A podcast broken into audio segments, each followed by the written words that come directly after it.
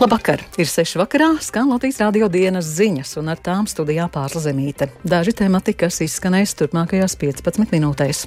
Baltijas valstis un Polija padziļinās sadarbību palīdzības sniegšanā Ukrainai. Latvijas korupcijas uztveres indeks paliek nemainīgs, joprojām tas ir zemākais Baltijas valstīs. Saimā būs parlamentārās izmeklēšanas komisija par finanšu sektora kapitālā remonta sekām.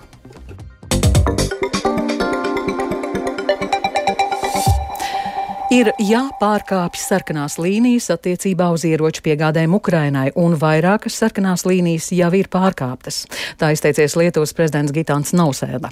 Ukraina sagaida lielākas smagā bruņojuma piegādes no NATO sabiedrotajiem, tai nepieciešami ir iznīcinātāji un tāls darbības rādījus raķetes, to paziņojas Ukrainas prezidents. Ukrainai šobrīd ir jādod viss, kas ir nepieciešams. Tas izskanēja šodien Rīgā, kur tikās Polijas, Igaunijas, Lietuvas un Latvijas ārlietu ministri. Ministri arī parakstīja kopīgu deklarāciju par sadarbības padziļināšanu reģionā.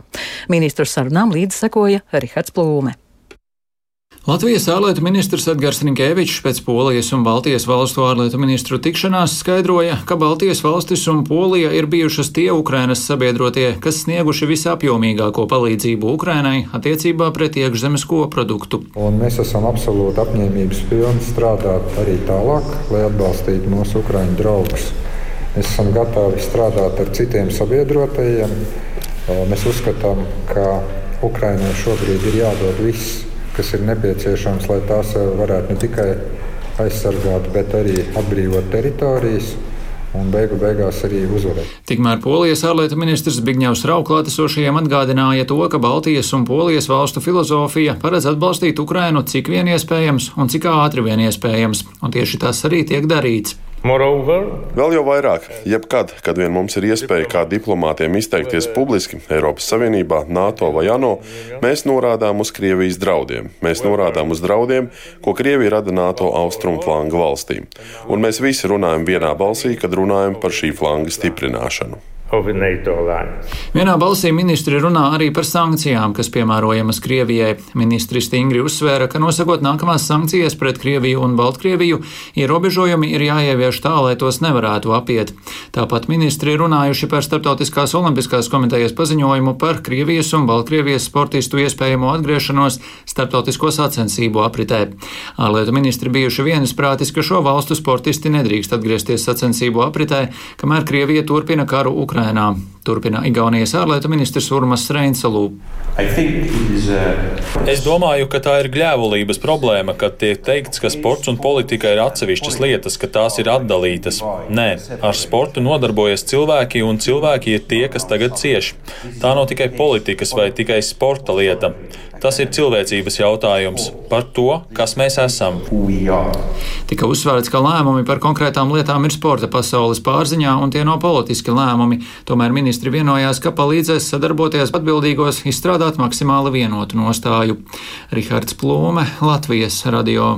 Latvijas valdība šodien atbalstīja ārkārtējās situācijas pagarināšanu Baltkrievijas pierobežā līdz 10. maijam, lai cīnītos ar Baltkrievijas varas iestāžu veicināto nelegālo migrāciju.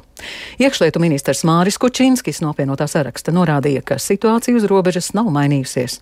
Piemēram, aizvadītajā naktī Latvijas-Baltkrievijas robežu mēģināja šķērsot 24 imigranti. Joprojām mēs tiekam izmantot kā hibrīda kara kā elements, ko virza tie režīmi, kas nav mums draudzīgi, ņemot vērā to, ka tas pats notiek gan Lietuvā, gan Polijā. Vēl viens arguments ir tas, ka mums ir savu darbību arī jāsinhronizē. Nākošo nedēļu dodos uz Lietuvu. Mums ir jāmeklē iespējams kādi citi risinājumi, ārkārtas situācijas aizstāt ar kādu citu regulējumu, bet pagaidām mēs tādus neesam atraduši. Nav atraduši arī kaimiņu valsts, un mēs katrā ziņā nedrīkstam kļūt par šīs uh, robežas vājo punktu. Janvārī kopumā novērsti 300 mēģinājumi iekļūt Latvijā, bet decembrī reģistrēti vairāk nekā 1000 mēģinājumu. Daugaupils Universitātes rektora vietnieks attīstības jautājumos Jānis Kudiņš atbrīvots no augstskolas padomas locekļa amata, bet universitātes rektora vietnieka amatu viņš joprojām saglabā. Kudiņu apsūdz par krāpšanos ar Eiropas Savienības sociālā fonda līdzekļiem. Savu vainu viņš neatzīst. Es pieņēmu lēmumu, ka tas būtu tikai ētiski, ka uz šo laiku labāk es uzrakstu šo atlūgumu no universitātes padomes darba, lai varbūt mazinātu šo šaubu ēnu kas ir radusies. Šis, kas viss ir inkriminēts manā gadījumā, tiek man.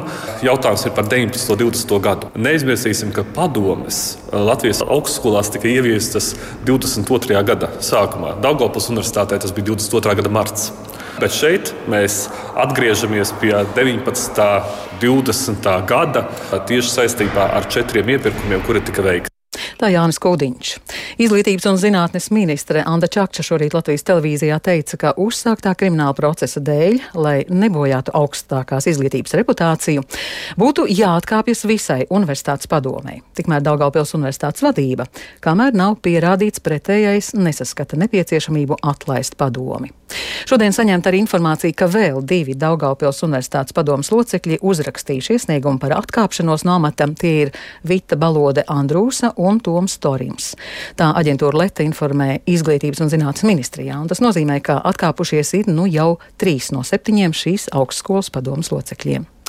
Bet robežu novada domē aizdomas par kukuļošanu. Šodien domē pabija korupcijas novēršanas un apkarošanas biroja darbinieki. Knap skaidro, ka lieta saistīta ar kriminālu procesu, kas sākts pērn 24. oktobrī aizdomās par kukuļu došanu, kukuļu ņemšanu un kukuļu ņemšanas atbalstīšanu. Savukārt Leta ziņo, ka lietā varētu būt iesaistīta bijusī Garkalnes pašvaldības izpildu direktore Jeļina Toca. Viņa pašlaik ir robežu pašvaldības izpildu direktora vietniece un strādā Garkalnes pagasta pārvaldē. Latvijas korupcijas uztvers indeks paliek nemainīgs, un tas ir zemākais Baltijas valstīs, secināts starptautiskās pretkorupcijas organizācijas pētījumā. Sabiedrība par atklātību dēlna norāda, ka Latvija nepietiekami ievieš drosmīgus pretkorupcijas pasākumus. Savukārt korupcija ir drauds nacionālajai drošībai, un plašāk Linda Spundiņa. Salīdzinot ar 2021. gadu, Latvijas korupcijas uztveres indeks nav mainījies - 59 punkti no 100. Tas ir ievērojams zemāks rādītājs nekā virknē citu Eiropas Savienības un OECD valstu. Latvijas rādītājs ir zemākais Baltijas valstīs. Secināts starptautiskā pretkorupcijas organizācijas Transparency International publicētajā ziņojumā.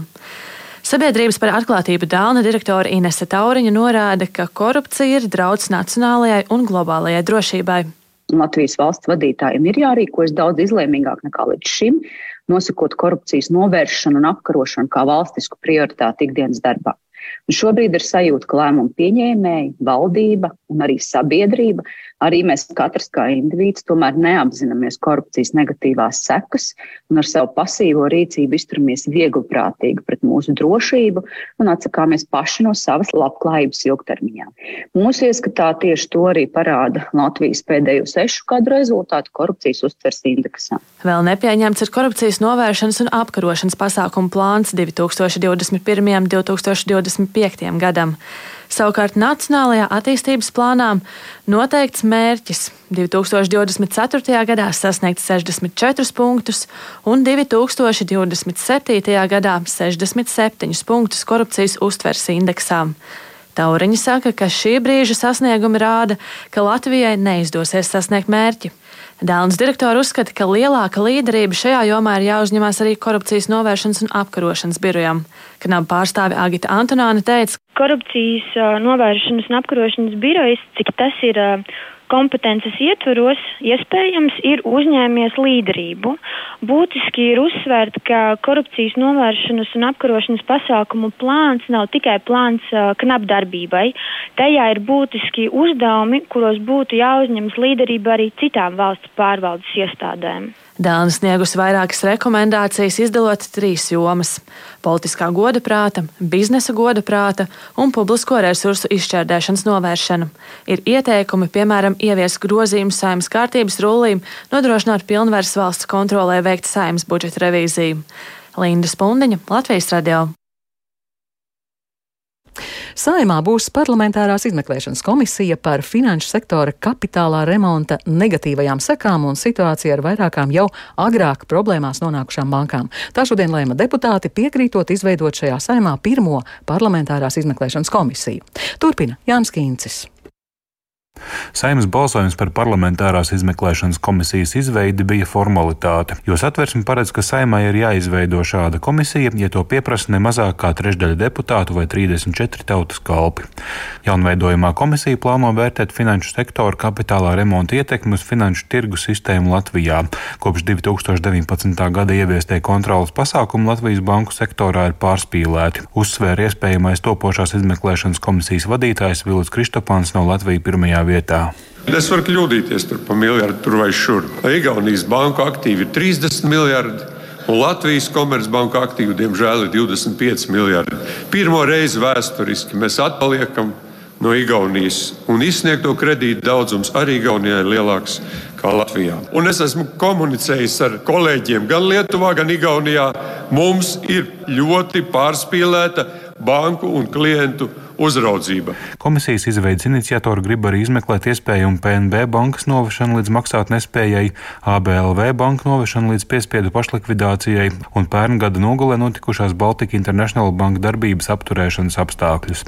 Skeptisks par komisijas iniciatoru mērķiem saimas sēdē bija jaunās vienotības frakcijas deputāts Edmunds Jurēvits. Vai mēs esam aizmirsuši, kāpēc bija vajadzīga iepriekšējās valdības īstenotā finanšu kapitālā tirgus sakārtošana, lai Latvija neiekļūtu pelēkajā sarakstā.